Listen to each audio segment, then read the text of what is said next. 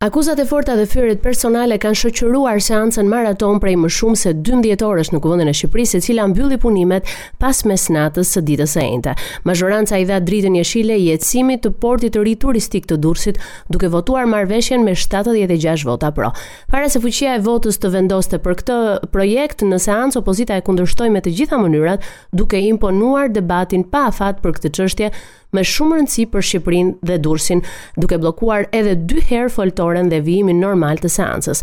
Kryeministri uh, nisi ditën e premte me një postim në rrjetet sociale për ndërtimin e portit turistik të Durrësit për të cilin thotë se do të jetë një motor i jashtëzakonshëm ekonomik për Durrësin dhe mbarë Shqipërinë. Projekti do zhvillohet në një sipërfaqe trualli Prej tetëqind e dymbëdhjetë mijë e gjashtëqind metrash katrorë, parashikohen dymbëdhjetë mijë apartamente dhe dy hotele me tetëqind e pesëdhjetë dhoma në total. Faza e parë nis në dy mijë e njëzet e treshin dhe zgjat për pesë vite me vlerë investimi pesëqind e nëntëdhjetë e pesë milionë euro dhe për fazën e dytë, që pritet të nisë në dy mijë e njëzet e tetë, investimi është rreth një miliard dhe gjysmë euro. Marrëveshja ka një jetëgjatësi prej tridhjetë e pesë vitesh, ndërsa përfundimi total i realizimit të projektit zgjat njëzet vite. Qeveria shqiptare do të përfitojë gjatë gjithë kohës tridhjetë e tre pikë tre për qind të dividendit, parashikohen dymbëdhjetë mijë të punësuar. Kuvendi miratoi në seancë plenare buxhetin e shtetit për vitin dy mijë e njëzet e tre dhe projektligjet e paketës fiskale që e shoqërojnë atë.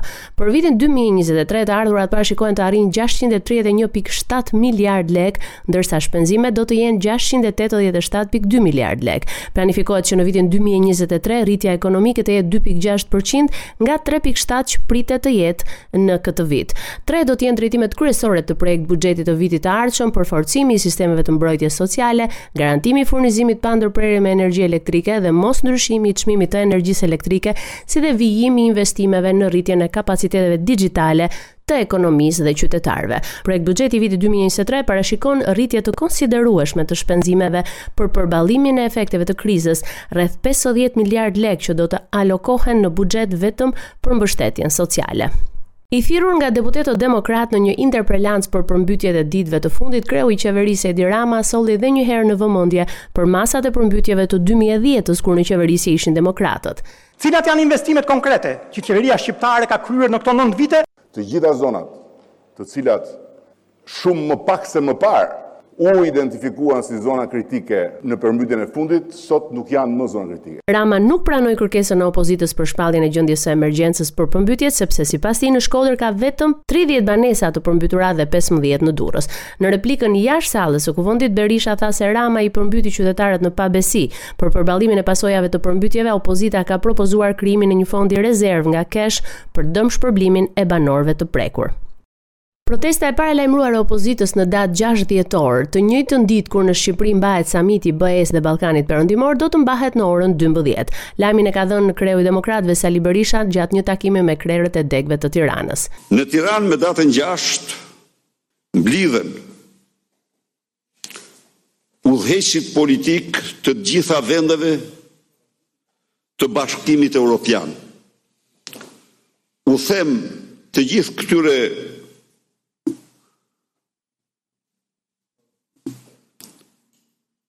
Papagajve të qeverisë se në Tiranë me datën gjashtë nuk mblidhen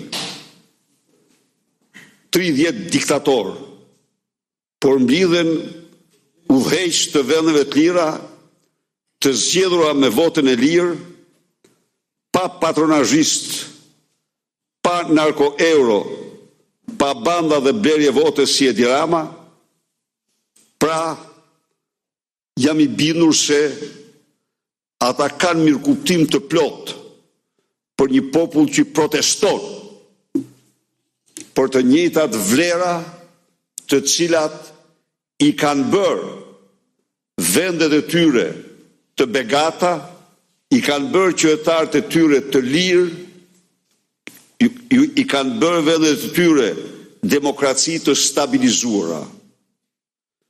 Në këtë kontekst, le t'u bien sa të duan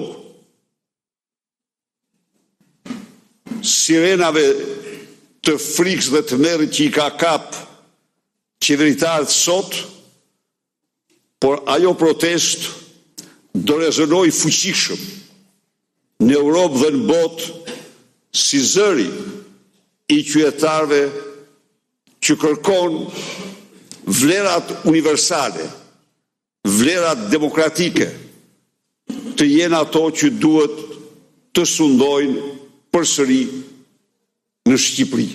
Berisha u shpreh i bindur se kjo protestë do të mirëpritet në mbarë opinionin europian dhe botëror, ai po ashtu u shpreh se gjashtë dhjetori do të jetë një protestë paqësore dhe se beteja vazhdon me protesta të tjera. Katër qytetet finaliste për titullin kryeqyteti europian i rinisë 2025, Izmiri, Fuenlabrada, Tromso dhe Lviv ishin në Tiranë në një ceremoni që u zhvillua ditën e enjte në kryeqytetin shqiptar. Lviv në perëndim të Ukrainës do të jetë kryeqyteti europian i rinisë 2025. Në garë kanë qenë katër qytete finalistë, përfaqësuesit e të cilëve u pritën nga një takim i veçantë nga kryebashkiaku i Tiranës Erion Veliaj, i cili në cilësinë e qytetit që mban aktualisht këtë status, theksoi se angazhime të tilla janë një mundësi shumë e mirë për bashkëpunimin mes të rinjve. Raportoi nga Tirana për Radio SBS, Gerta Heta.